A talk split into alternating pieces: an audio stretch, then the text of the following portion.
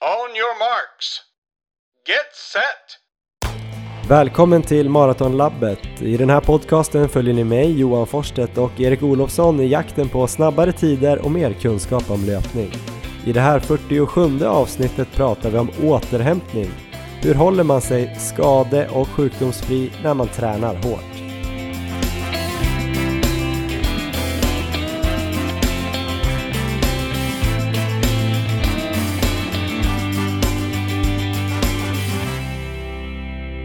Morgon Erik, hur är läget? God morgon Johan, det är okej här. Hur är det själv? Ja, det är väl också okej. du hör ju, jag har lite så här morgonröst. Ja just det, det är tidigt. Eh, ja, det är ganska tidigt för mig och det är ganska tidigt för podden. Det är väldigt tidigt för podden. Vi brukar ju sällan spela in så här tidigt på morgonen innan jobbet eller innan man ska göra dagens andra sysslor. Nu gör vi det, så då har jag lite morgonröst. Eh, jag är inte supermorgonpigg. Hur, är du supermorgonpigg? Ehm, ja, det ska jag nog säga att jag har blivit nu. Jag har ju en liten son. Det har ju du också. Så att, eh, Just det. Och han brukar gilla att vakna tidigt. Så att då, då får man ju in den vanan själv också. Nej men det är ganska bra, det är bara min röst som verkar vara lite så här sömndrucken. Ehm, Jag har ju också en liten lätt snuvighet, Eh, inte direkt sjuk men jag är lite skr- så här krasslig i halsen. Ja. Men jag ber om ursäkt för det. Ehm, Varför är det bara okej med dig då? Ehm, ja, men jag kan väl börja med att nämna här att det var tur vi inte spelade in förra veckan. För då, eller framförallt för kanske lite mer än en vecka sedan, så hade jag ju en stämbandsinflammation. Just det. Så jag hade ju ett par dagar när jag inte kunde prata alls och eh, då låg det ju som tur var ingen inspelning. Men det skrev ju du typ till mig bara dagen efter förra inspelningen eller något sånt där, eller två dagar efter. Ja, jag tror jag nämnde att jag höll på att bli lite, vad sa jag, rosslig i halsen då när vi spelade in och det utvecklades till en stämbandsinflammation. Som tyvärr höll mig borta från löpningen eh, ytterligare en vecka så att det är väl lite det som gör att läget bara är okej. Att jag känner att jag har missat för mycket träning nu. Det vart ju två veckor i princip helt utan träning. Förra veckan kom jag igång igen och kunde börja springa lite grann så jag fick in åtta mil och eh, ett kvalitetspass i slutet av veckan där så att då kände jag ju väl att jag var lite på gång igen i alla fall. Men eh, sen så den här veckan drog jag igång med ett marafartspass, marafartsintervaller, som jag tyvärr då fick eh, bryta av på sista intervallen när jag började känna av mina gamla vadproblem med strama vader. Men du körde 5 gånger 5 kilometer i marafart strax under fyra minuter eller? Precis, Alltså fyra minuter per kilometer. precis. Och en kilometers eh, löpvila eller? Ja, det stämmer. Vilken fart körde de i nu, löpvilan? Ehm, jag låg nog strax över fem tempo på dem. Men eh, det var inte så farligt. Jag såg ju på Strava att du sprang 4 gånger 5 och sen en trea. Så Ja, det var inte så farligt att du fick bryta av passet kanske. Men det var väl mer oroande med dina gamla gubbvader. ja precis. Så själva passet var ju ett jättebra pass. Jag har- känner ändå att jag fått in några bra pass på slutet och är igång på det sättet. Så nu vill jag ju bara fortsätta springa, men just nu så är det alternativträning igen. Mhm. Så jag hoppas det släpper här i veckan, för att nu känner jag verkligen att tiden rinner iväg för mig. Vi har ju knappt fyra veckor till Rotterdam Marathon när vi pratar nu.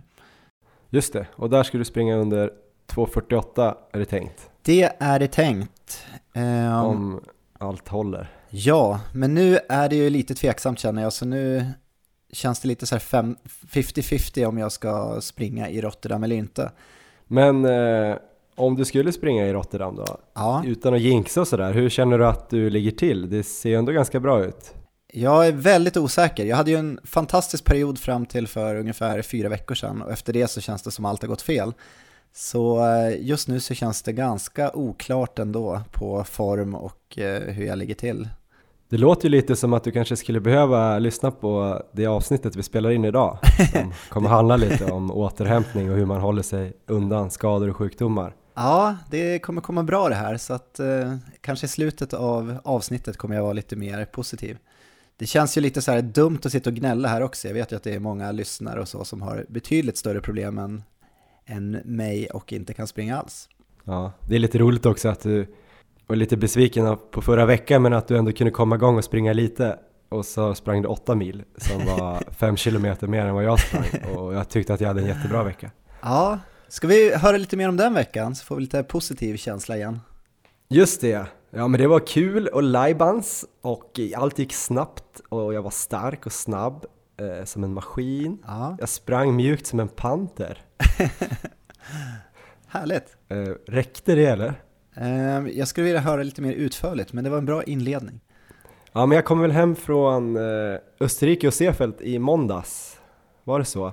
Förra veckan och eh, då hade jag faktiskt hunnit springa fem mil sista veckan i, i Österrike plus lagt in något styrkepass. Och eh, så jag var ganska förberedd på att kunna bara dra igång igen. Ja men jag hade väl två kvalitetspass och ett långpass. Jag var första gången nu i år över 30 kilometer här i söndags på ett långpass. Just det.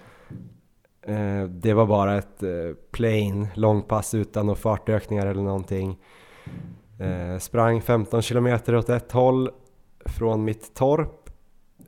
Tog en kisspaus och sprang tillbaka. Det kändes bra, 4.45 fart. Jag hade otroligt låg puls. Så benen blev väl inte så stumma. Och sen hade jag mina två eh, kvalitetspass, kan gå in på dem lite snabbt. Jag gjorde ett på tisdagen som var 6 gånger 1000 i någon typ av 10 km fart hade jag tänkt. Just det. Eh, sprang eller oerhört lätt på 3.35 snitt tror jag. Och då var det asfalt eller? Ja, det var lite asfalt och eh, en sträcka lite mer eh, grus och lera. Det var väl lite halvtaskigt väder där i tisdags med blåst och, och regn och så. Men eh, jag vet inte, det kändes ju väldigt, eh, väldigt, väldigt bra. Jag tänkte ju börja bygga upp mot 8 gånger 1000 i den, någonstans där 3.35-3.40. Ja. Ehm, så det var därför jag bara körde 6 nu och så tänkte jag lägga på liksom intervaller. För det är lite mer, testa milformen. Så jag avbröt ju efter 6 som planerat. Men eh, där hade jag nog kunnat fått in eh, minst två till. Ehm, så det var ju väldigt bra besked och det kanske var just det att jag hade tagit det lite lugnare i två veckor. Just det. Och innan haft en ganska bra period så jag var väl bara i någon sorts form. Sen var den formen lite borta på torsdagen när jag skulle springa fem gånger två kilometer tänkte jag i halvmarafart. Så runt 3.47 Ja. för att kunna springa halvmaran under eh, 1.20 som jag vill göra här i vår. Då sprang jag väl, eh, ja, då kämpade jag på ganska rejält. Jag fick sådana här ben som blir riktigt stumma fast pulsen inte var så hög. Ja. Eh, Det tänker jag, brukar jag tolka som en signal att man är lite sliten eller att man har någonting i kroppen. Hur många återhämtningsdagar lägger du mellan dina kvalitetspass där? Ja, det blev ju bara en dag emellan där. Just det. Tisdag och torsdag sprang jag och ehm, det kanske var lite för ehm, tufft den här veckan. Men jag tror jag hade något i kroppen också. Jag eh, kämpade på ganska ordentligt för att hålla de där farterna, vilket jag inte trodde jag skulle behöva göra. Så jag sprang bara fyra intervaller, fyra gånger två. Sen avbröt jag. Och samma där, där kanske jag har tänkt att bygga upp till sex eller sju gånger två. Men skulle börja med fem gånger två då och hade väl två minuters eh, lätt joggvila emellan. Så där känner jag mig lite sliten. Just det. Är du inne i den specifika fasen nu inför Kungsholmen runt? Just det, precis. Det var ju första veckan, förra veckan som jag tänkte vara lite mer specifik. Och eh, nu är det väl nio veckor eller åtta och en halv vecka kvar till det loppet. Så att eh, nu kommer jag köra mycket halvmarafart men även mycket i 10 km fart. För, för de där två distanserna är ju ganska lika varandra. Så att jag tänker, jag springer lite över och lite under tröskel. Och så kanske det blir några rena tröskelpass också så tror jag att jag kommer vara i form på båda distanserna. Så jag ska väl få in lite millopp här i vår också. Just det. Något innan och något efter. Så det är väl något sekundärt mål att eh, förbättra min milpers med någon minut. Ja, härligt. Jag har sagt 36,5 där. Det har du gjort, det kommer jag ihåg. I avsnitt ett. Det borde jag fixa.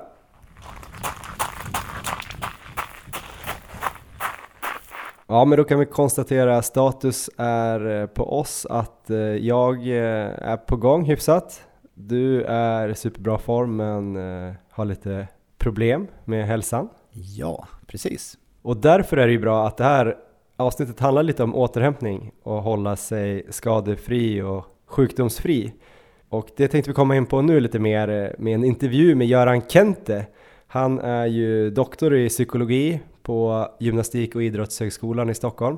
Han är också mental coach åt eh, skidskyttelandslaget och just nu uppe i Östersund på skidskytte-VM. Så jag fick ju tag i honom där. Först tänkte jag bara just eftersom han är mental coach åt skidskyttelandslaget, vilket han nog bevisligen har gjort ganska bra eftersom de hade så mycket framgångar i Pyeongchang i OS i fjol och nu också har plockat eh, ett VM-guld i alla fall uppe i Östersund. Eh, du är ju väldigt eh, intresserad av snösporter Erik. har du suttit hemma och analyserat något? Vi ska ta det här bara lite kort för vi pratar inte om det i intervjun. Men det är ganska häftigt just mentala perspektiv där med Mona Brorsson och Hanna Öberg. Ja, absolut. Jag har ju suttit och kollat loppen här och eh, ja, men det är ju en otroligt mental sport skidskytte. Och det fick vi se här i jaktstarten när Mona Brorsson gick in i en stor ledning inför sista skyttet och hade väl egentligen råd med en bom och kunde då ändå tagit guld där. Men eh, det slutade med att hon missade fyra av fem skott och missade medalj helt istället. Och intervjun efter så var hon ju väldigt öppen och ärlig och sa ju precis hur hon kände och eh, hon hade ju sitt fokus helt fel när hon åkte in där. Det var ju tankar på sista varvet och tankar på familjen som satt i publiken och annat. Men sen så två dagar senare igår då för oss eh, när vi sitter här så var hon ju i samma läge igen, sista skyttet och nu sköt hon för medalj igen, i alla fall var det det man trodde då. Och eh, då dunkade hon ner alla fem. Sen slutade hon väl tror jag sexa ändå, men det var ju som i medaljstriden när hon sköt. Så att bevisligen har ju Göran gjort ett eh, strålande jobb där under de här två dagarna. Ja, och Hanna Öberg som också gick in i sista skyttet igår och visste väl att hon kunde ta guld om hon sköt fullt. Eh, hon hade ju en annan approach än att bara tänka på vad som skulle hända efteråt och sådär. Ja, precis. Hon, vad var det du sa att hon hade sagt? Jag har inte hört intervjun. Hon sa ju att hennes tanke där när hon eh, åkte in och skulle skjuta sista det var ju att eh, nu ska jag visa vem som är olympisk mästarinna. Mm. Ehm, så ett helt annat tänk och hon eh, dunkade ner alla fem och tog VM-guldet också. Tror du man kan tänka något sånt här när man springer själv? Kan man ta hjälp av dem, den här historien på något sätt när man springer? Um, det tror jag nog. Man kan nog uh, verkligen bara tro på sig själv och se att allt är möjligt helt enkelt. Så när jag står på startlinjen där i Kungsholmen runt så kan jag bara kanske säga, eller på slutet kanske, sista tre. Nu ska jag visa vem som är maratonlabbet. eller eh, Panter Gasell. Ja, eller om man har mycket problem inför ett maraton med stämmans inflammation och eh, skador så tänker man att ingenting är omöjligt. Jag kommer fixa det här, det kommer gå bra. Och sen så springer man under 2.48. Det kommer du göra lätt Erik. Men efter den här lilla utläggningen så ska vi faktiskt gå in på intervjun också. Den kommer ju handla om eh, återhämtning. Vad är viktigast att tänka på för att inte vara skadad och sjuk hela tiden när man springer väldigt mycket? Och det är ju perfekt också eftersom vi förra veckan, eller för två veckor sedan, förra avsnittet, pratade om att alla borde dra upp sin löpvolym så mycket som de kan. Men då kan det också bli att man blir skadad eller sjuk. Så här får ni en intervju med Göran Kente om smartare återhämtning. On your marks. Get set! Men hej Göran Kente, kul att du kunde vara med i Maratonlabbet trots hektiska dagar på skidskytte-VM i Östersund. Mm, tack. Där uppe jobbar du ju som mental coach, eller? Eh, det stämmer. Det här var mer ett eh, ja, traditionellt idrottspsykologiskt stöd i mitt arbete. Men du har också jobbat och jobbar mycket med återhämtning som väl är kopplat, tänker jag, både mentalt och fysiskt till någon sorts ja, eh, Absolut, och den delen finns ju i princip alltid med när man jobbar med elitidrott och eh, återhämtning tänker jag är ett område som man ibland glömmer bort att det är så mycket psykologi i det hela. Det är inte bara att äta rätt och sova rätt utan man behöver ha med hela paketet. Mm. Jag tänkte vi skulle inleda den här intervjun med en, en text här eh, som jag precis läste från det är väl Adlibris, så är det en text om en bok som du har skrivit som heter Smartare återhämtning. Jag hoppas du är stolt över den, för nu tänkte jag nämna den. Ja, tack. Men då står det Eh, att vara frisk och skadefri är en grundförutsättning för att träna, tävla och utvecklas. Gränsen mellan rätt och fel träning är ibland hårfin, men skillnaden i utfall kan vara gigantisk. Smartare återhämtning, alltså boken, ser till funktionell återhämtning ur ett helhetsperspektiv. Och det där låter ju superbra för en podcast som handlar om maratonträning. Där allt handlar om att, att träna så mycket man kan och ha tid till, tänker man. Och så glömmer man kanske ibland bort att eh, det är under återhämtningen som all utveckling sker på något sätt. Mm. Det är ju faktiskt så där och eh, du beskriver ju själv eh, hur lätt det är att man går vilse i att man bara räknar träningstimmar och utgår från att det finns någon form av exponentiellt samband från ju mer träningstimmar man stoppar in desto bättre blir man och tyvärr finns det många som har blivit besvikna när de insett att det inte är riktigt så enkelt. Nej. Vi snackade ju faktiskt i förra avsnittet om eh, hur viktigt det var att komma upp i löpvolym, alltså hur mycket mil eller tid man springer varje vecka. Mm. Eh, och därför kan det vara bra att eh, ha det här avsnittet nu. Bara se upp det hela. ja, men precis. Men mm. eh, hur viktig är liksom den här återhämtningen då? För att hålla sig frisk och hel och sugen på att träna mer? Ja, men man kan väl säga så här att eh, har du svårt att hålla dig frisk, eh, har du svårt att hålla dig skadefri och brister motivationen då är det ju en enorm utmaning att samla ihop eh, mil, samla ihop träningstimmar och utvecklas. Eh, så att då får man ju ständigt liksom ligga och försöka jaga ikapp och det blir på ett sätt en oftast ohållbar utmaning. Så att eh, slår man ut det på ett helt år och bara minskar antalet skadedagar och minskar antalet sjukdagar så finns det ju faktiskt eh, möjlighet att öka sin eh, träningsvolym och sin träningsmängd den vägen och det tänker jag är en mycket klokare och smartare väg. Mm. Jag tänker det är ett komplext ämne och det är väldigt individuellt hur mycket återhämtning man kanske behöver beroende på mm. Dels kanske vem man är och vad man gör i övrigt förutom träning och sånt där, mm. vad man har för bakgrund. Men kan man på något sätt avgöra om man har en för dålig återhämtning Finns det signaler man ska vara uppmärksam på? Ja, det finns ju en del signaler på bristande återhämtning och om man håller ihop tre stycken olika liksom variabler och det skulle kunna vara liksom en upplevd ansträngning av själva träningspasset som man potentiellt använder borgskalan, RPE-skalan och skattar någonting. Eh, och sen ytterligare då kanske en pulsklocka och sen en faktiskt eh, resultattid. Och när de tre har liksom ett relativt gott samband då vet man liksom att återhämtningen är tillräcklig. Men om någon av de där variablerna liksom tappar sambandet, det vill säga att man, det kostar lite mer att hålla en hastighet eller det går lite långsammare eller pulsen sticker iväg. Det vill säga att det här sambandet som har varit tydligt mellan eh, puls, upplevd ansträngning och löphastighet helt mm. plötsligt börjar förändras. Det är en ganska viktig signal att det är någonting som inte riktigt stämmer. Och sen kan man titta på sådana enkla saker som faktiskt humöret. Eh, ofta så om man blir sliten och har en bristande återhämtning så blir det ofta att man blir lite lätt grinig, lite lätt irriterad, kan bli lite nedstämd. Så att humöret eh, är också en väldigt viktig eh, signal och man har ju använt det väldigt mycket i forskningen. Man har skattat så kallade mood states, det vill säga att man skattar sina sinnesstämningar ganska regelbundet för att se hur de förändras eh, utifrån belastning och återhämtning. Så att det finns några sådana viktiga och, och kanske den sista markören som jag tycker är viktig att lyfta fram i det här sammanhanget är att när man svarar bra på en vilodag, det vill säga att man känner att man är fräschare när man kommer tillbaka eller man kanske har en lätt träningsvecka och är riktigt fräsch när den viloveckan är, eller lättare träningsveckan är slut. Mm då, då har man någonstans en funktionell återhämtning på plats. Men om man märker att ja, kroppen svarar inte på den här vilodagen, kroppen svarar inte på en lätt träningsvecka, man är precis lika sliten. Det är också en viktig signal. Just det.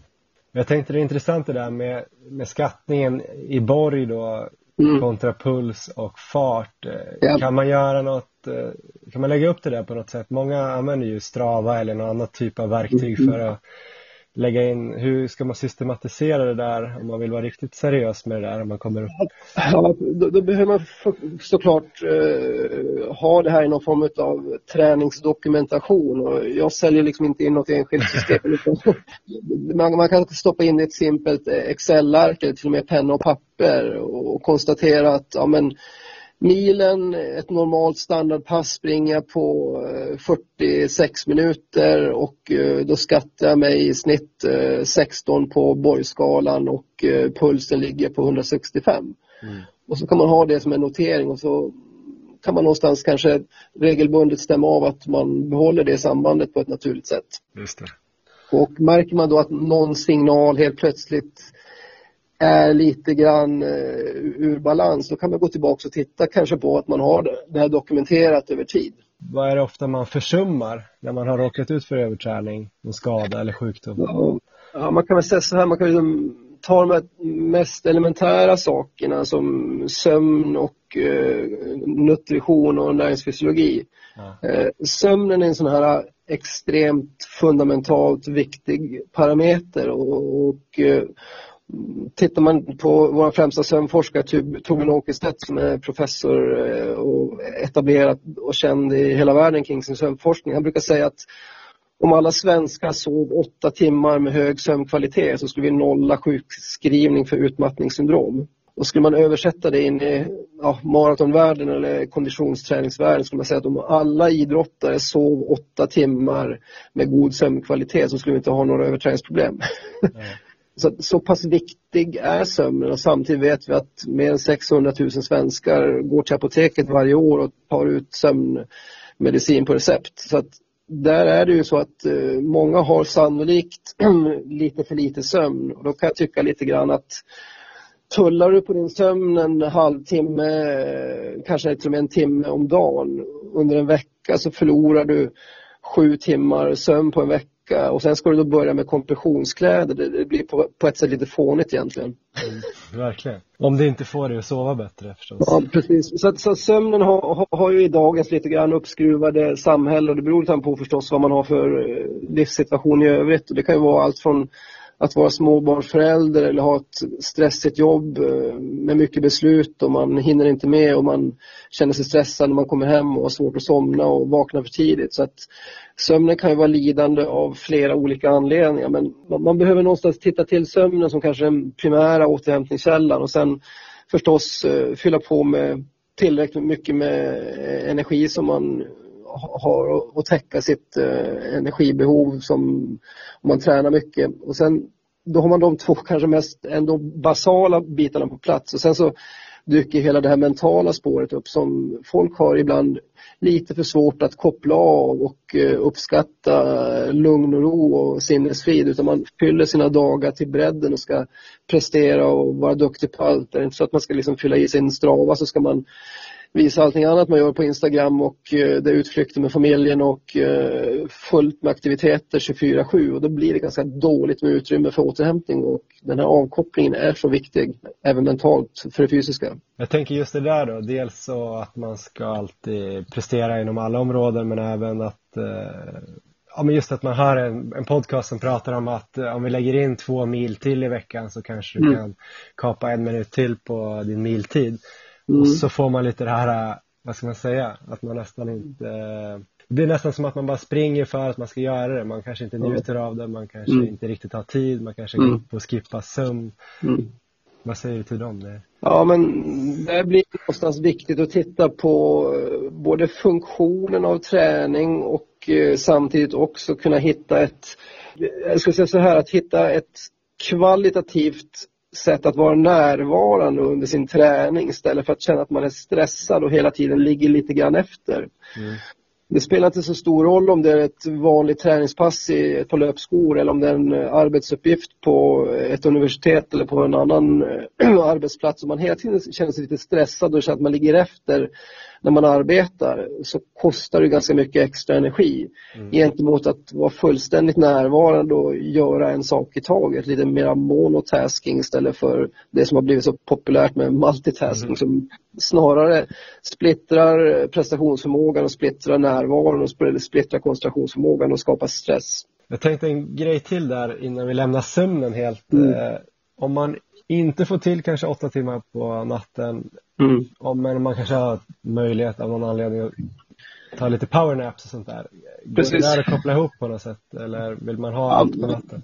Nej, men det där är faktiskt eh, en rätt spännande sak, inte minst kopplat till de som tränar mycket och känner att man kanske har ett utökat eh, återhämtningsbehov. Mm. Då kan en eh, powernap på 20-30 minuter fylla ett ganska bra återhämtningsvärde.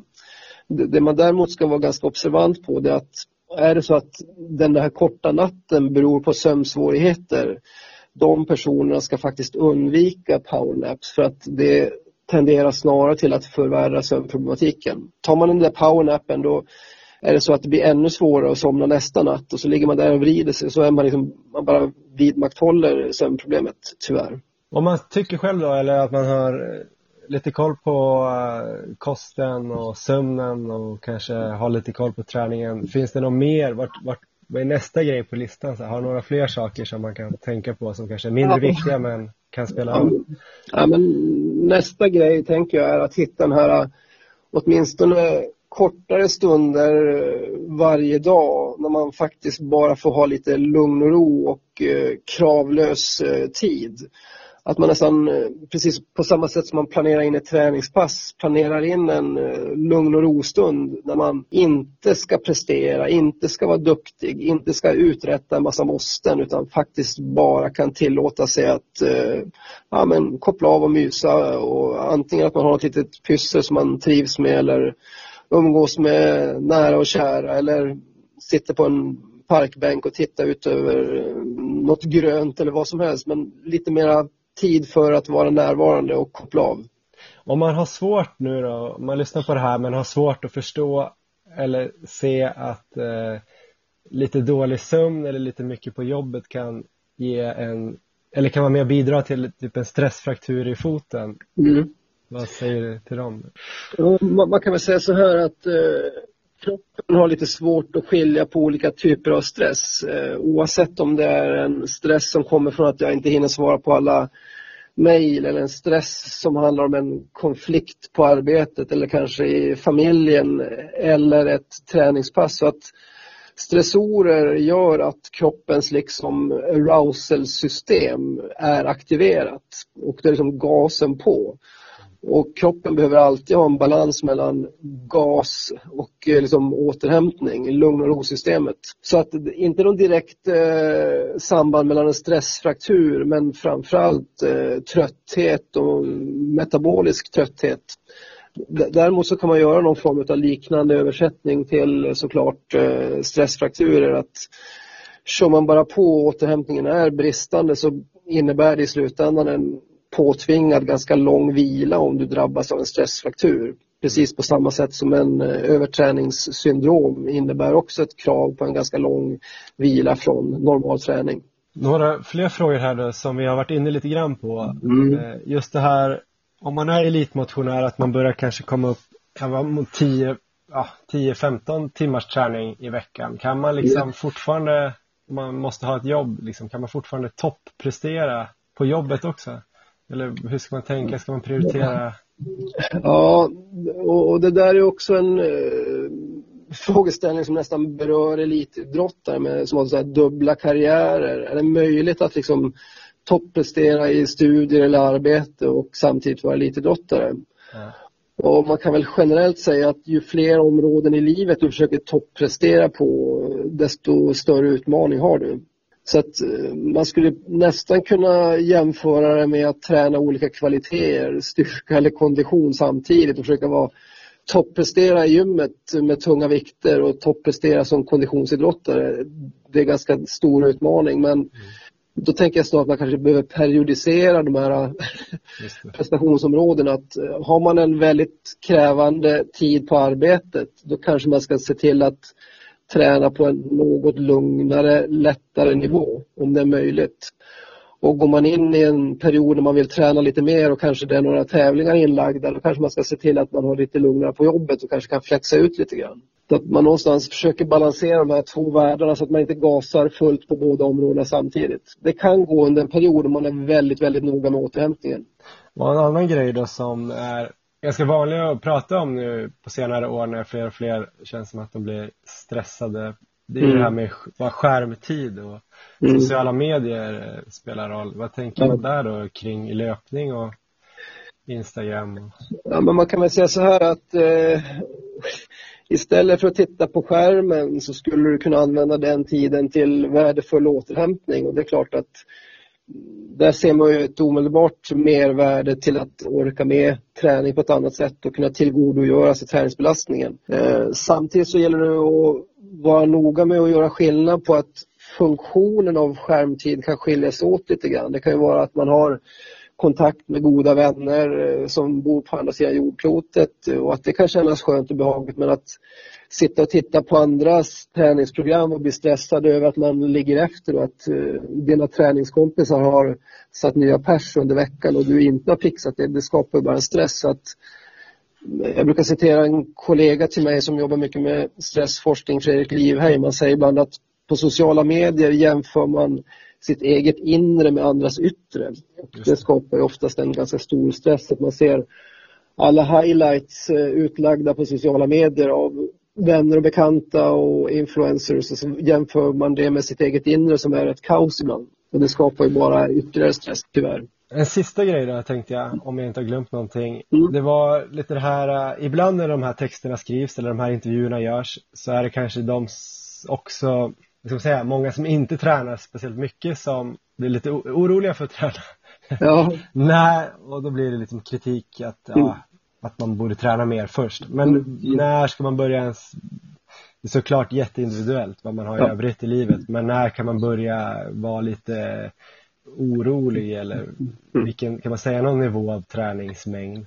Man kan väl säga så här att tittar man liksom bara ut ett rent folkhälsoperspektiv så är det en ökad polarisering av fysisk aktivitet i samhället. En allt större grupp som rör sig alldeles för lite som sannolikt skulle bara må bra av att börja träna lite grann regelbundet. Och sen har vi en mindre grupp i den andra ändan som tränar, jag ska inte säga hysteriskt mycket, men som tränar på en allt högre nivå såklart att eh, man måste hela tiden titta på träningsbelastning utifrån någon egen eh, träningshistorik och träningsstatus.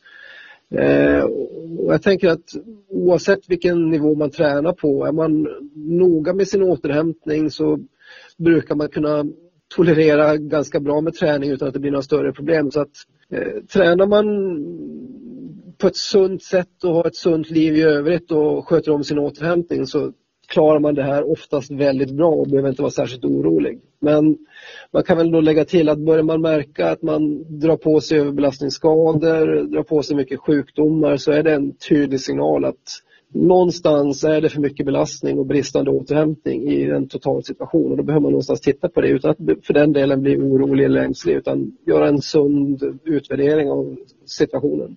Ja, tusen tack Göran. Mm, Mycket tack, tack. kloka saker där som vi kan ta med oss. Mm. Som, som sagt balans till att vi ska säga till att alla ska springa med. Mm. Suveränt. Du får ha det så bra uppe i Östersund, min tack, tack. Eh, hemstad. Vacker. Hoppas det blir lite medaljer här nu i resten av, resten av mästerskapet. Ja, bara hålla tummarna. Ja. Ha det bra. Tusen tack.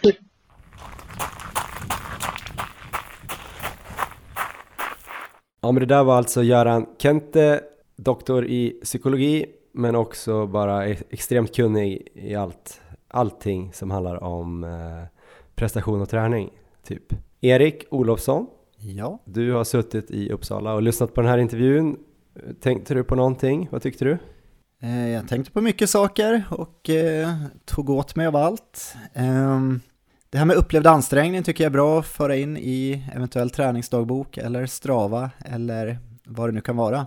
Och just att försöka jämföra det med hastighet, puls och upplevd ansträngning sen för att se om någonting sticker iväg lite grann. Det tycker jag är ett bra tips att ha med sig. Just det. Eh, brukar du göra det? Nej, men eh, ibland så skriver jag ju kanske hur känslan var. Men man kanske skulle kunna systematisera det där lite mer och eh, skriva i till exempel då i sin träningsdagbok på ett eh, tydligare sätt så man ser ganska snabbt så här, okej, okay, där var farten, pulsen och och det kändes sådär. Till exempel mitt pass som jag tidigare snackade om i torsdags där så skulle jag ju upplevt det som kanske 17-18 på Borg. Just det. Men enligt pulsen och farten så borde det ha varit eh, några snäpp under. Så då kan man kanske känna så här, om det är så flera pass i rad, då är det så här, okej, okay, nu är det fara färde. Så det var bra. Ja. Jag tycker att det som vanligt är väldigt intressant att höra om någon som pratar väldigt positivt om sömn. För sömn är ju typ doping, det tror jag vi har sagt förut. Jag brukar prata med alla om att man borde sova mer så kommer man få mycket bättre resultat och det var ju Göran inne på också. Sen tyckte jag det var spännande med det här hur man reagerar på vilodagar. Att om man tar en vilodag eller två eller kanske toppar upp mot ett lopp. Får man någon effekt av den eh, vilan så att man känner sig piggare eller gör man inte det? Det är ju också en bra markör som jag tyckte var intressant. Vad tyckte du om det Erik? Ja, absolut, det är ju väldigt bra att ta med sig och även kanske när man kör sina så här återhämtningspass. Att tänka lite att eh, man ska egentligen känna sig bättre och fräschare i kroppen efter passet än innan passet. Och känner man sig väldigt sliten efter sina återhämtningspass då kanske man ligger och kör dem för hårt helt enkelt. Det där kände ju jag ganska tydligt innan Frankfurt Marathon i höstas när vi skulle springa under tre timmar. Jag hade ju en ganska bra, eller en väldigt bra träningsperiod inför. Sen sista veckan på min specifika period, kanske tre veckor innan loppet, så hade jag det väl ganska mycket. Dels höll jag på att plugga till den här löpcoachutbildningen och vi hade flera träffar där med utbildning. Jag hade ju Elmer och ja, det blev lite mycket på en kort period där. Och då kände jag att efter den här sista veckan på den specifika perioden när jag hade min toppning så första veckan när jag drog ner, jag svarade ingenting på att jag började vila. Jag kände mig inte ett dugg fräschare. Så det tog ganska lång tid innan jag började känna att kroppen ja, men, kände sig fräsch. Och där tror jag att jag var ganska mycket på gränsen eller kanske till och med lite, lite över. Det är bra erfarenheter med sig annars, att uh vi har inte sprungit så många maraton, så man får ju försöka det är kanske är bra att föra anteckningar även över det här, över själva toppningsperioden. Och Verkligen. se hur man känner, hur mycket man drar ner på träningen och hur kroppen reagerar. Så får man jämföra. Ja, det skulle man ju kunna föra in per dag lite grann. Så här, känsla ja. dag ett av toppningen, dag två, alltså så här. Här känner jag mig riktigt fräsch, ungefär som Charlotta Fogberg gör. Precis. Efter, efter höghöjdsträning, att hon vet vilken dag hon känner sig som bäst på. Ja, bra, det gör vi. Det gör vi absolut. Och det vi också tänkte göra idag då, som någon typ av eh, sammanfattning av hela det här ämnet, är väl att vi tänkte göra Maratonlabbets eh, topp 8-lista på saker man borde göra varje vecka för att hålla sig sjukdoms och skadefri. Ja! Vilket klatschigt namn på listan. eh, något. Vi tänkte alltså ta upp åtta grejer, vi kommer lägga till fyra var och snacka lite om dem. Eh, men det ska väl bli ganska kort tänker vi och eh, ta fram eh, papper och penna nu för det här är mycket viktigt. Nummer ett på listan, Maratonlabbets lista över saker man ska göra varje vecka för att hålla sig sjukdoms och skadefria är Erik. Eh, nummer ett, variera underlaget. Och då tänker jag lite att eh, bara se till att man inte springer på samma underlag hela tiden. Till exempel om man under vintern bara springer på löpan. Det är nog väldigt viktigt att man ändå kommer ut på ett pass, kanske långpasset, även om vädret är hemskt, att man tar sig ut, bara så man får lite variation. Ehm, och även nu kanske när det blir varmare, att man varierar, försöker få in lite löpning i skogen till exempel. Jag tror mina problem som jag har just nu är nog att jag har dunkat på för mycket på asfalt och i ganska höga tempon. Ehm, så att jag behöver verkligen ta till mig det här tipset. Ehm, hur, hur är du på det här? Nej, men jag är eh, nog inte jättebra sen jag började satsa på maraton eh, kanske. För att eh, då har det blivit mycket att man springer gärna ganska likt som man kommer springa på loppet. Och så Just kanske det. man gör det lite för tidigt och lite för ofta. Så att man kanske, ja men jag vet inte, av någon sorts lathet kör allting på någon runda som man vet är ganska platt och man vill ja. typ kunna hålla sina marafarter och, och, och man vet att som Frankfurt var ju helt platt Så, så springer man lätt både långpass och sina hårda marafartsintervaller och så kanske man råkar slänga in eh, sitt lite snabbhetspass också på asfalt. Det gjorde Ja. jag ganska mycket, så det var nog lite dumt. Men eh, sen eh, i sommar, jag älskar ju att springa i skogen och springa i lite orientering sådär, helt obanat. Så det ska jag försöka lägga in ganska mycket. Absolut. Jag med. Tips nummer två.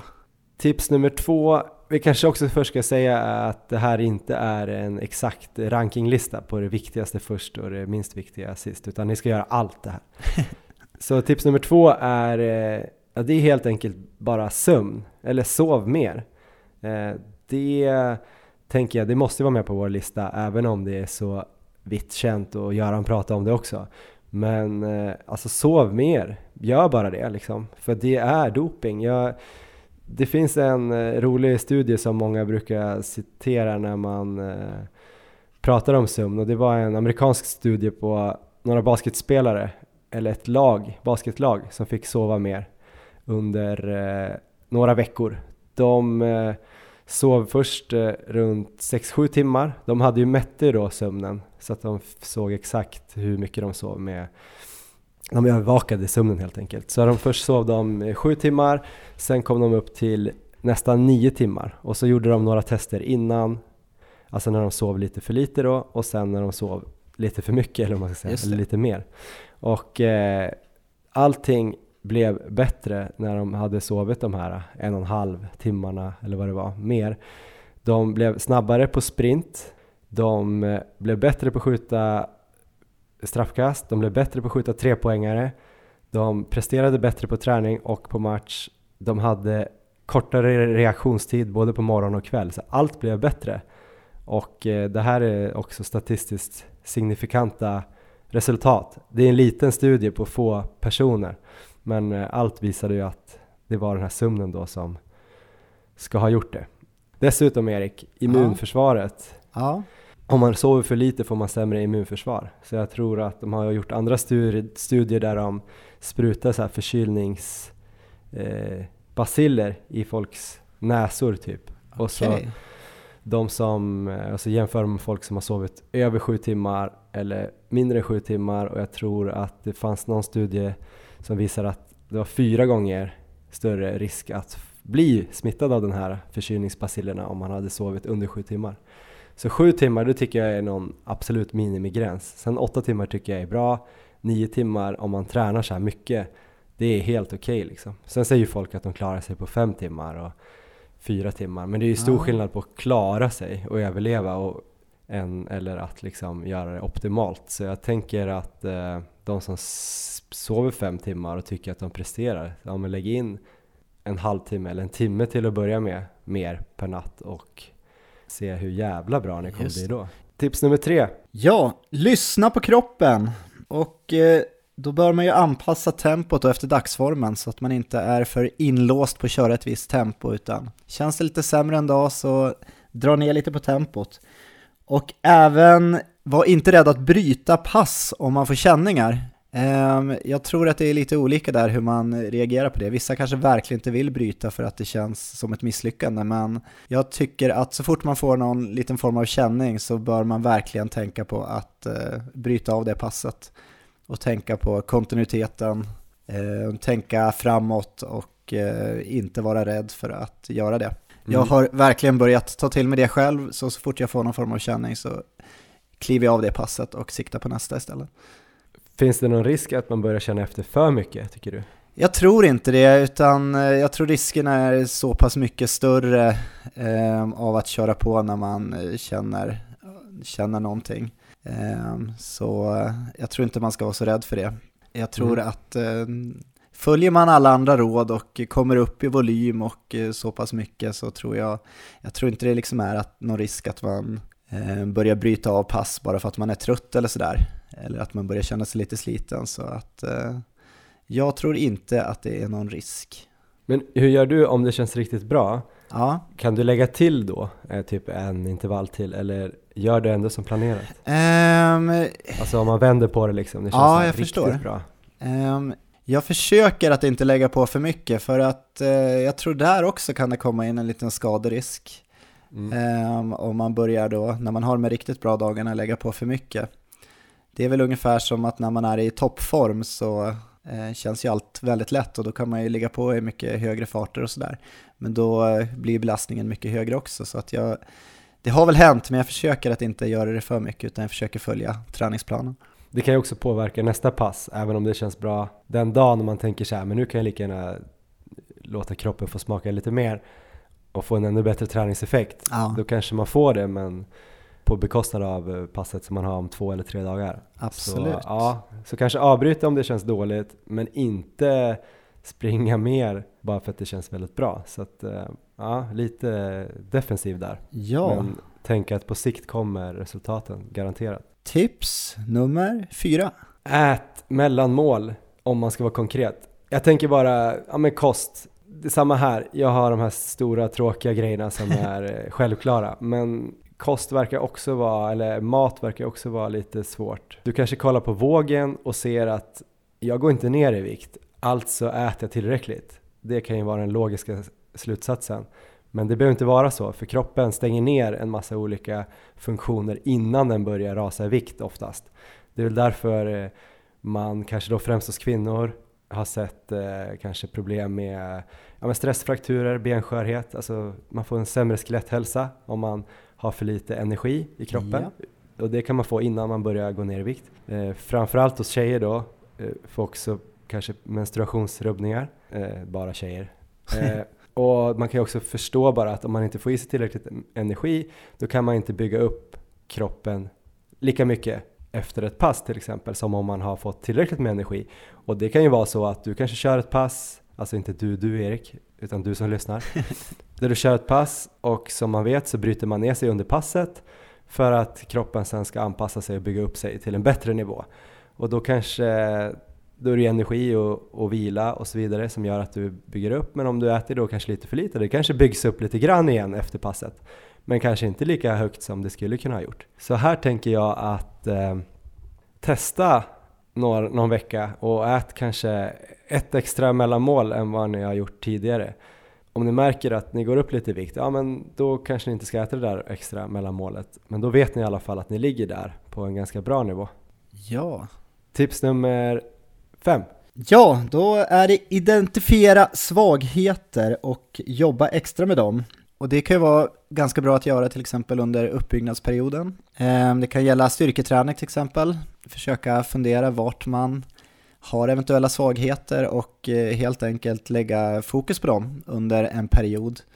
Mm. Och även kanske bibehålla den träningen sen så att man inte släpper den helt. Jag tror att jag har gjort ett litet misstag där nu. Jag har ju, jag trodde väl här att jag hade fått ordning på mina strama vader när jag varit på gymmet hela vintern och kört den här nya övningen jag har gjort. Det som har hänt nu under den specifika perioden är att jag har kommit ut och sprungit. Eh, mycket asfalt, inte så mycket i gymmet, så att den här övningen har ju från att jag har kört den frekvent varje vecka flera gånger, kanske kört den en gång i veckan.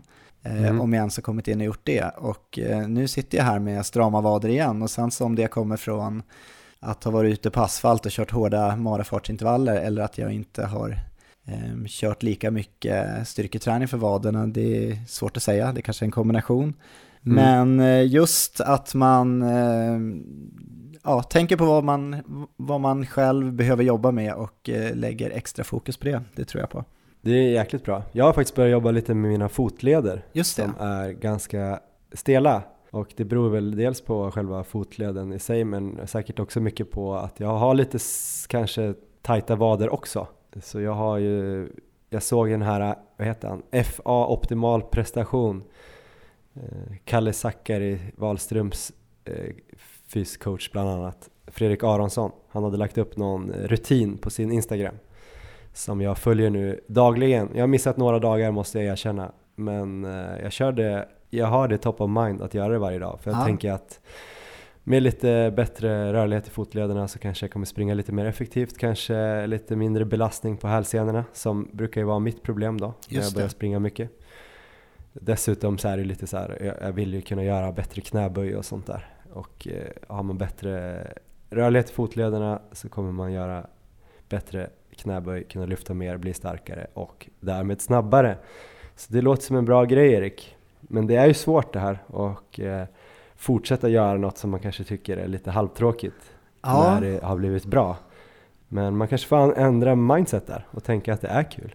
Det är Ja. kul att kunna springa liksom. Ja, eller hur? Vi går över till tips nummer sex. Tänk igenom noga hur ni fördelar nyckelpassen är tips nummer sex.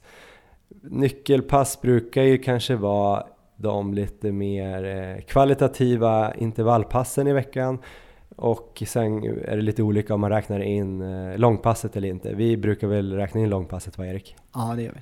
Då tänker vi så här att ofta snackar man ju om tre kvalitetspass i veckan. Det vanliga är väl att man gör ett lite snabbare intervallpass, ett eh, i tröskel eller marafart och sen ett långpass. Och eh, då har vi en regel är ju att aldrig, aldrig, aldrig, aldrig sätta två nyckelpass dagarna efter varandra. Det borde ju rimligtvis alla hålla med om att man inte gör det. Men ibland så kan det vara sådär att man inte har sprungit i början av veckan eller man, det har blivit att man har sprungit mer distanspass och sen så vill man ändå trycka in dem där. Men gör inte det. Det är bättre att strunta i ett nyckelpass den veckan. En annan grej som jag tänker på är väl att när man kommer upp, speciellt i den specifika perioden, om man kommer upp lite i volym, då kanske man till och med vill ha minst två dagar emellan nyckelpassen. Och då om man räknar ut det lite snabbt så är det ganska svårt att då få till tre nyckelpass varje vecka om man ska ha två dagar emellan jämt för då Ja. kommer någon vecka bli, då kommer första veckan kommer funka för då kan man köra måndag, torsdag, söndag. Ja, Men nästa vecka blir då onsdag, lördag och sen finns det inga mer dagar. Så då kanske det är en bra strategi att köra tre nyckelpass ena veckan och två nästa vecka. Det kan räcka när man kommer upp i sådär som du skulle köra 5 gånger 5 i marafart ja, och sen kanske du har en eh, 35 kilometers långpass med 8 kilometer i marafart på slutet eller någonting. Ja. Det är två ganska eh, maffiga pass liksom.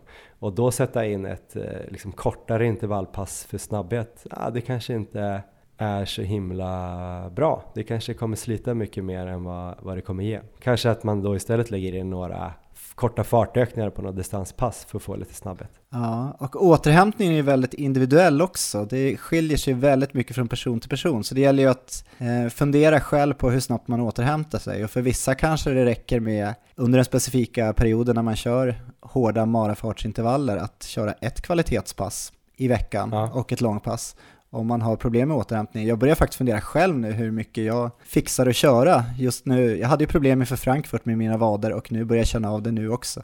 Så att jag kanske själv bör gå ner på eh, kanske ett nyckelpass plus ett långpass i veckan under den här Mm. perioden. Mm, nej, men jag tror det är mycket duktiga maratonlöpare som på slutet i sina, åtminstone i slutet i sina specifika perioder kör liksom fokus på två lite längre kvalitativa pass. Och eh, ja, men det är det som är fokus. Så jag tror, tror lite på det. Jag såg Hanna Lindholm, Sveriges just nu kanske ja, bästa eller näst bästa eller tredje bästa Det maratonlöperska. är många som är bra. Eh, ja, det är så många som är bra nu, men hon var ju bäst i fjol i alla fall.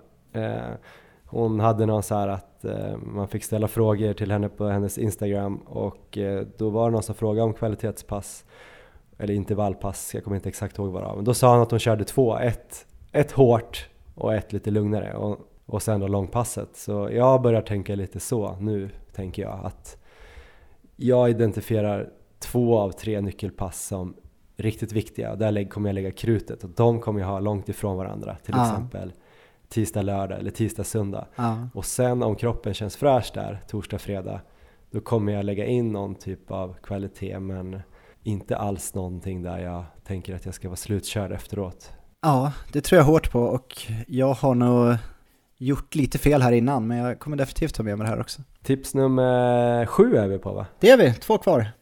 Ehm, tips nummer sju, dras inte med i andras tempo. Och eh, det här gäller ju kanske inte mig så mycket, för jag brukar inte springa med andra så mycket. Jag springer ofta själv. Jag har sprungit i grupp någon gång och jag kände väl det bland annat i vintras så sprang jag här med en klubb, ett pass.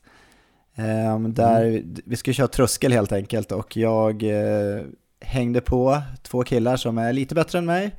Ehm, mest för att jag inte ville springa vilse där i skogen. Och det där passet blev, eh, blev för hårt och jag fick känna av det i ett antal dagar efteråt. Ehm, och det är ju en skaderisk också att liksom hamna i någon annans tempo, dras med och eh, ja, helt enkelt köra mycket hårdare än vad man har tänkt. Så det är väl många kanske som kommer springa i grupper nu när det blir lite varmare och sådär, eller springa med kompisar som kanske är lite bättre och att då verkligen vara fokuserad på vad man själv ska göra och följa sin egen plan, att man inte tar rygg på någon som springer lite för snabbt helt enkelt.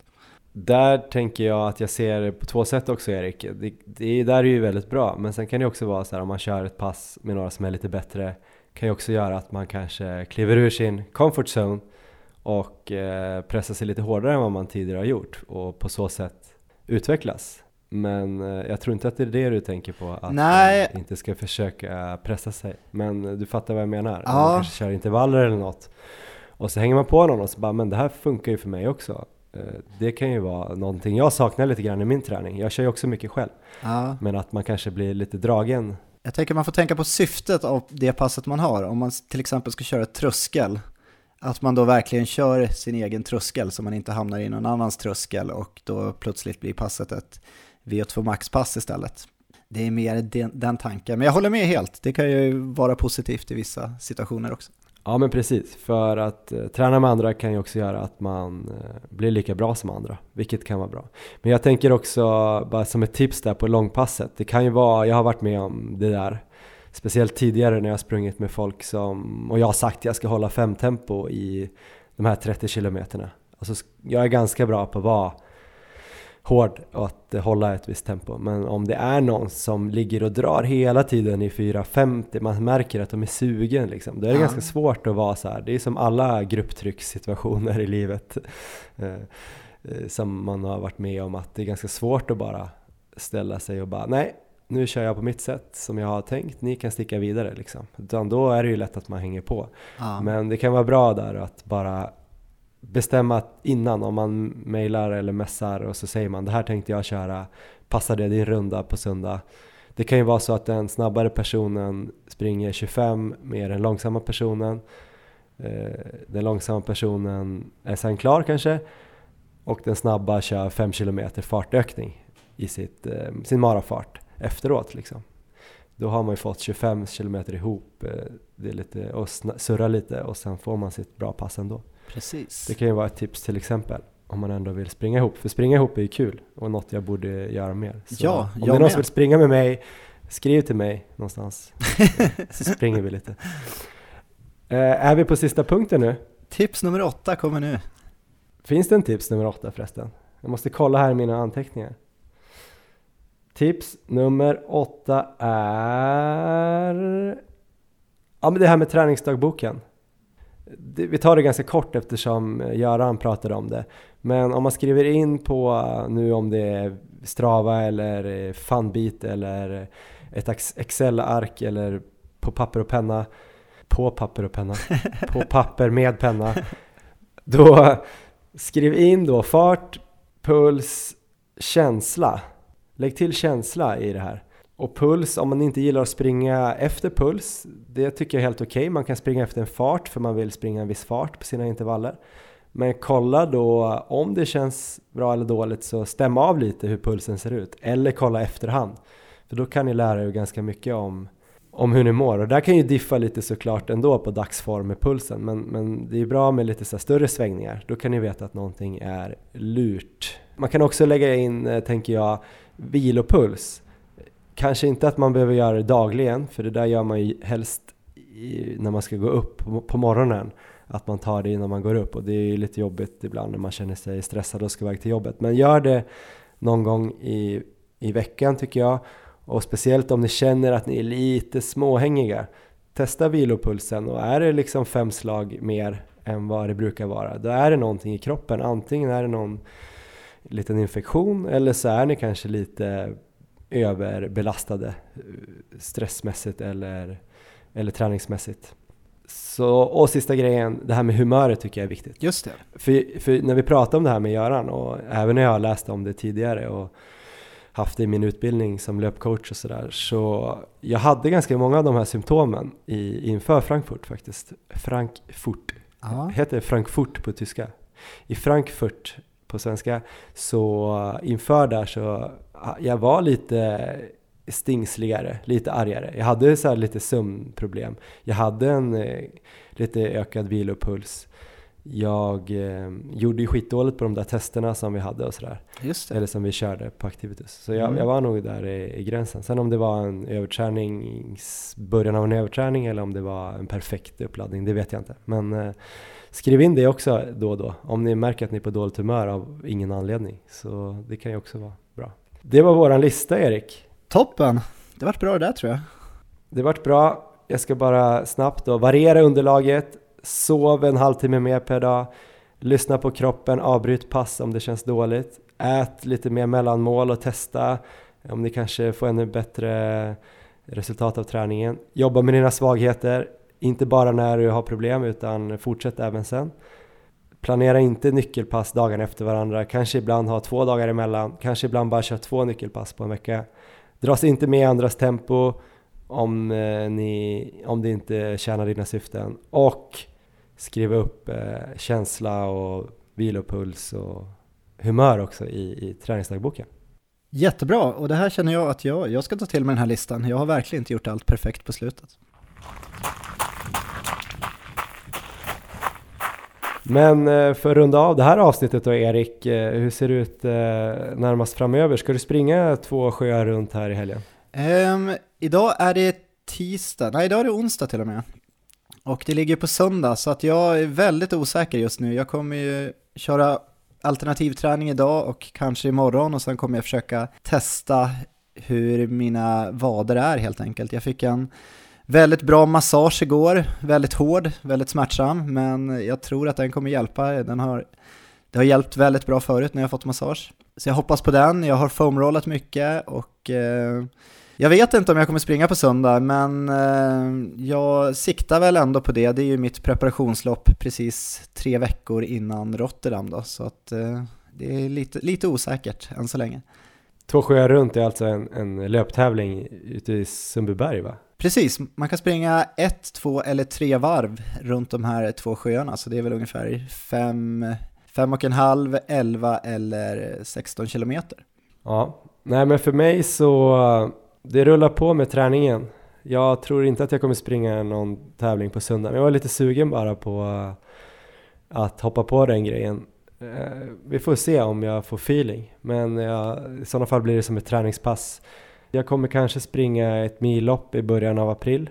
Eh, Det är väl närmast, eh, det är väl där jag tror att tävlingsdebuten kommer bli Just det. i vår, ungefär en, en månad innan Kungsholmen runt. Då går jag för um, Maratonlabs-rekordet. Ja, Det officiella Maralo- Maratonlabs-rekordet som borde vara runt 36.50 va? ehm, 36.48 om vi ska vara exakt. 36.48 och vi båda vet ju att du kan springa mycket snabbare än så.